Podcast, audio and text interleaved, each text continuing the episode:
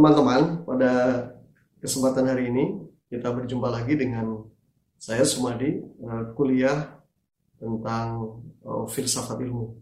Kuliah filsafat ilmu itu insya Allah mudah ya, karena ini akan menjadi dasar bagi kita semua uh, untuk bisa menulis karya ilmiah dengan baik, untuk bisa meneliti dengan baik, termasuk bisa menelaah, mengoreksi dan menyusun kembali ilmu pengetahuan yang diidealkan oleh masing-masing ilmuwan. Nah, pada pertemuan yang kelima ini, kita akan membahas tentang struktur dasar ilmu. Nah, dalam filsafat ilmu, struktur dasar ilmu itu terdiri dari pertama ontologi, yang kedua epistemologi, yang ketiga aksiologi. Sebagaimana yang kita jelaskan sebelumnya bahwa ontologi itu bicara tentang apa hakikat gejala atau objek yang dikaji, kemudian epistemologi bicara bagaimana cara mengkajinya, mengkajinya, kemudian aksiologi bicara tentang apa nilai atau manfaat e, pengkajian. E, pada pertemuan ini kita akan khusus membahas tentang ontologi. Memang dalam awal-awal perkembangan filsafat yang menjadi banyak sekali pertanyaan itu adalah tentang keberadaan atau tentang keadaan. Dan pertanyaan-pertanyaan awal yang mendominasi adalah dari mana sesungguhnya alam itu diciptakan atau bahannya apa saja sih. Tetapi pertanyaan kemudian juga tentang apa yang kelihatan, apa yang tidak kelihatan. Roh Tuhan yang kelihatan itu ada manusia, kemudian ada alam semesta. Dan itu menjadi pertanyaan, sesungguhnya hakikatnya apa? Nah, pertanyaan-pertanyaan itu kemudian dijawab oleh apa yang disebut dengan ontologi. Eh, teman-teman, uh, term ontologi pertama kali itu diperkenalkan oleh Rudolf Goclenius pada tahun 1636 Masehi dengan tujuan apa? Dengan tujuannya yaitu menjelaskan teori tentang hakikat yang ada. Yang sesungguhnya hakikat yang ada itu itu hakikat yang bersifat metafisis. Nah, kalau secara terminologis dalam bahasa Yunani ontologi itu berasal dari kata on kemudian uh, on atau ontos ya yang berarti ada dan logos yang berarti ilmu. Sehingga kalau kita gabungkan dua-duanya uh, ontologi dapat diartikan sebagai ilmu tentang yang ada. Dan ini sejalan dengan pendapatnya uh, Van Cleef Morris yang menyebut bahwa ontologi is the study of the of the real world. Nah, pendapat lain menjelaskan uh, Nung Hajir ya, ilmuwan Indonesia menjelaskan bahwa ontologi itu membahas tentang yang ada yang tidak terikat oleh satu perwujudan tertentu. Ontologi itu membahas tentang yang ada yang universal dan menampilkan pemikiran semesta yang universal.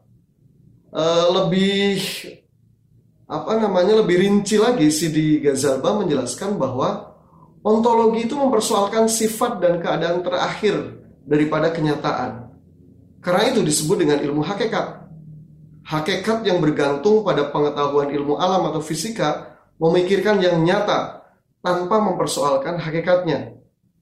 Justru ontologi sebagai ilmu hakikat adalah mempersoalkan hakikat itu dengan memisahkan secara tajam antara subjek dan objek. Nah, dalam terminologi agama, ontologi itu bicara tentang uh, Tuhan. Gitu.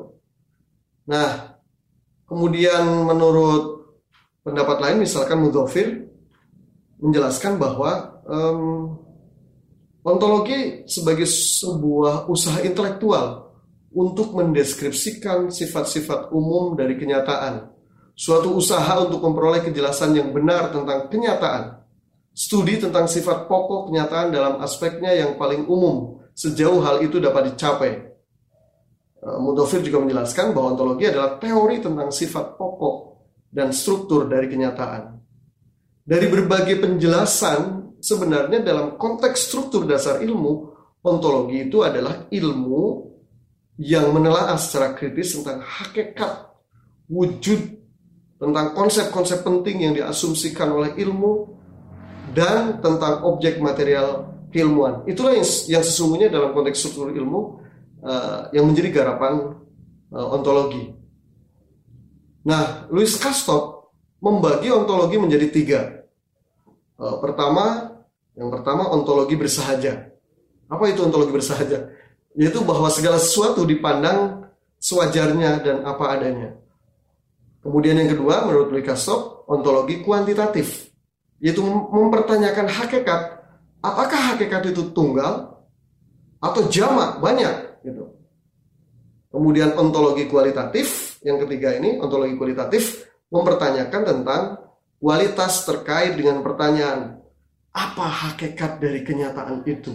Jadi pertanyaan secara kualitatif, secara kualitas. Nah dari tiga macam jenis ontologi ini kemudian dalam sejarah uh, filsafat dalam sejarah filsafat atau filsafat ilmu itu ada sejumlah aliran-aliran ontologi. Yang pertama monisme.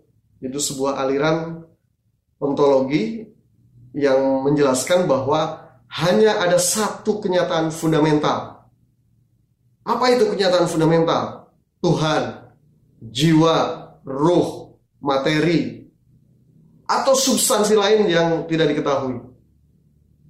Thales Beda lagi Talas. Talas menyatakan bahwa uh, substansi itu air. Jadi segala sesuatu itu uh, berasal dari air. Kemudian ada anak Simander mengatakan bahwa uh, segala sesuatu itu berasal dari aperion. Kemudian anak Simenes mengatakan bahwa segala sesuatu itu berasal dari udara. Spinoza mengatakan bahwa hakikat adalah Tuhan, alam. Itu contoh pendapat-pendapat dalam aliran ontologi yang monisme. Kemudian yang kedua, uh, misalkan aliran ontologi contohnya adalah tentang dualisme. Uh, dualisme ini menjelaskan bahwa substansi itu dua, gitu. Tokohnya misalkan Plato. Plato mengatakan bahwa bahwa realitas segala sesuatu itu ada dalam dua, yaitu ada dalam dunia indera yang disebut dengan dunia bayang-bayang dan ada dalam dunia intelek yang disebut dengan ide.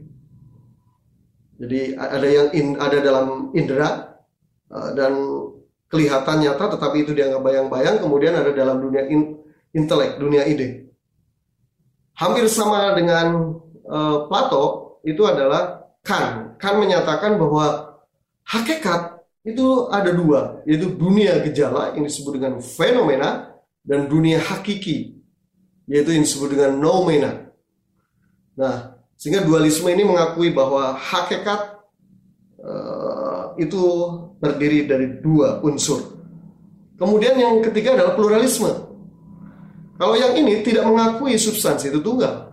Contohnya adalah Empedocles. Empedocles mengatakan bahwa substansi justru terdiri dari udara, api, air, dan tanah.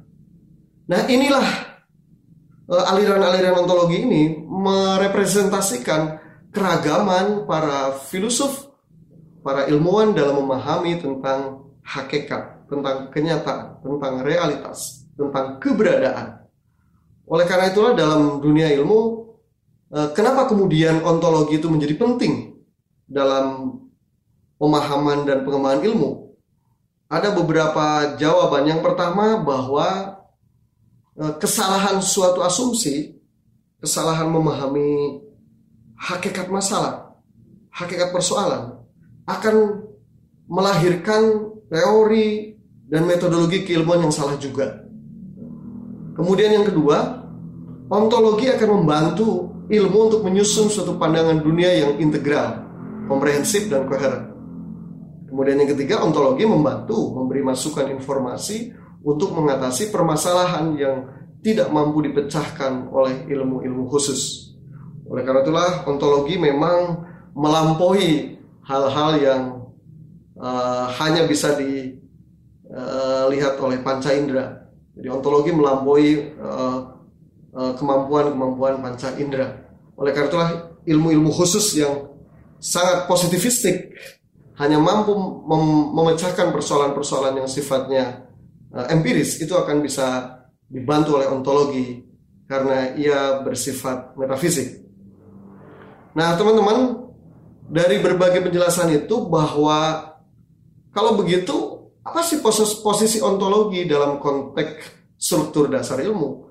Dalam konteks struktur dasar ilmu bahwa ontologi bicara tentang apa objek material keilmuan, asumsi apa yang dibangun oleh keilmuan, konsep-konsep penting apa yang dibangun oleh sebuah keilmuan, juga menelaah secara kritis tentang uh, wujud hakikat dari yang menjadi kajian pokok ilmu. Dengan begitu maka uh, pemahaman akan objek material ilmu dan asumsi-asumsi yang dibangun itu tidak akan mengalami apa yang disebut dengan uh, sebuah kesalahan. Nah, ontologi ini menjadi menjadi struktur dasar untuk kita membangun ilmu. Nanti kita akan lanjutkan uh, pertemuan ke-6 tentang epistemologi sebagai struktur dasar ilmu yang kedua. Terima kasih. Kalau Anda penasaran karena ini masih basic konsep, Anda bisa dialog dengan saya di di channel ini. Assalamualaikum warahmatullahi wabarakatuh.